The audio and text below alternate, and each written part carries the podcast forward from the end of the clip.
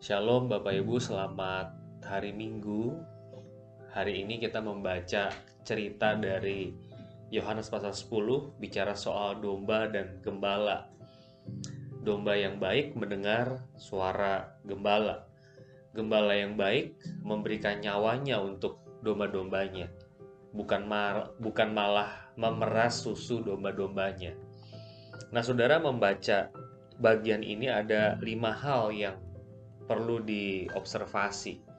Yang pertama, membaca Injil Yohanes pasal 10 kita teringat pada kitab Yehezkiel pasal 34.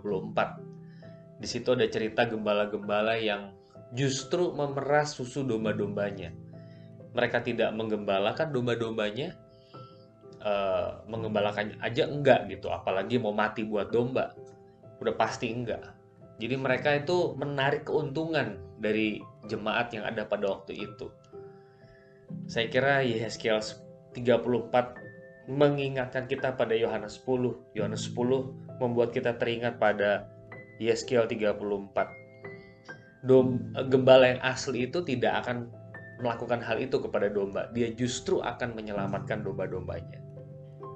Yang kedua, saudara, Yohanes 10 ayat 11 Akulah gembala yang baik, gembala yang baik memberikan nyawanya bagi domba-dombanya.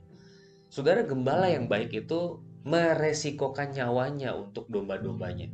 Bukan dombanya disuruh, disuruh meresikokan nyawa buat dia. Di sini nyawa seorang manusia itu signifikan di mata Tuhan.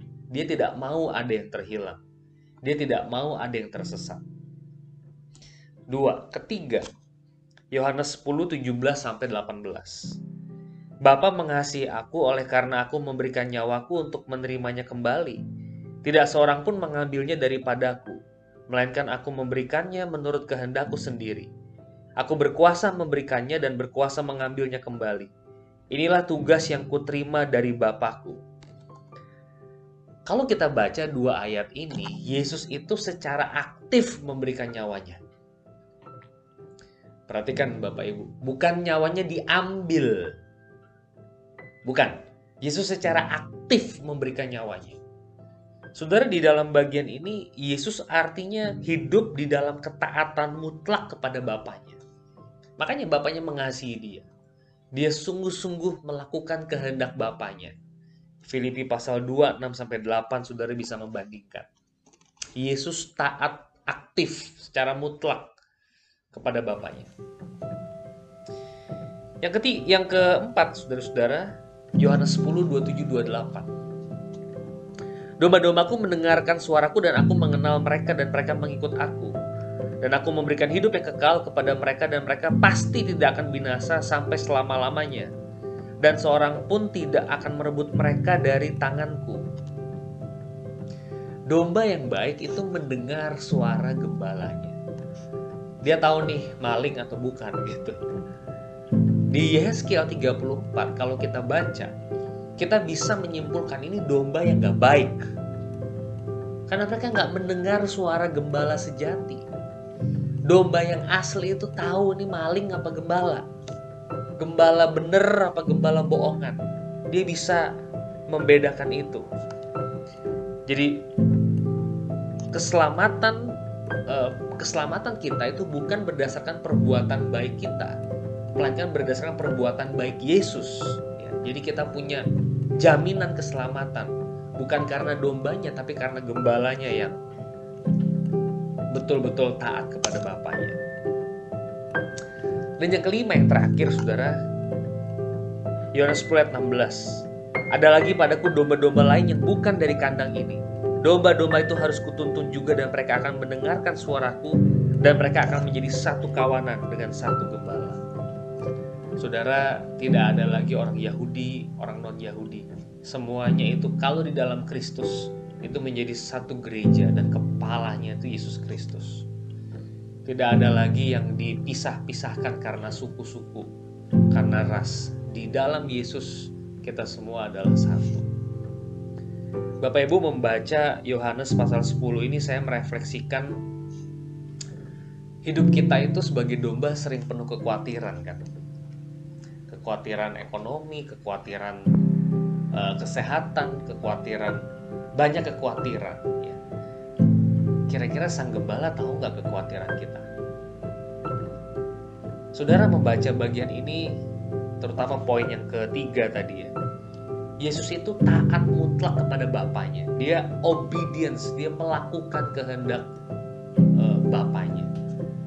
Dia memberikan nyawanya buat kita kalau nyawanya diberikan secara aktif buat kita, kalau keselamatan dianugerahkan kepada kita, apalagi yang lain yang tidak dia berikan kepada kita.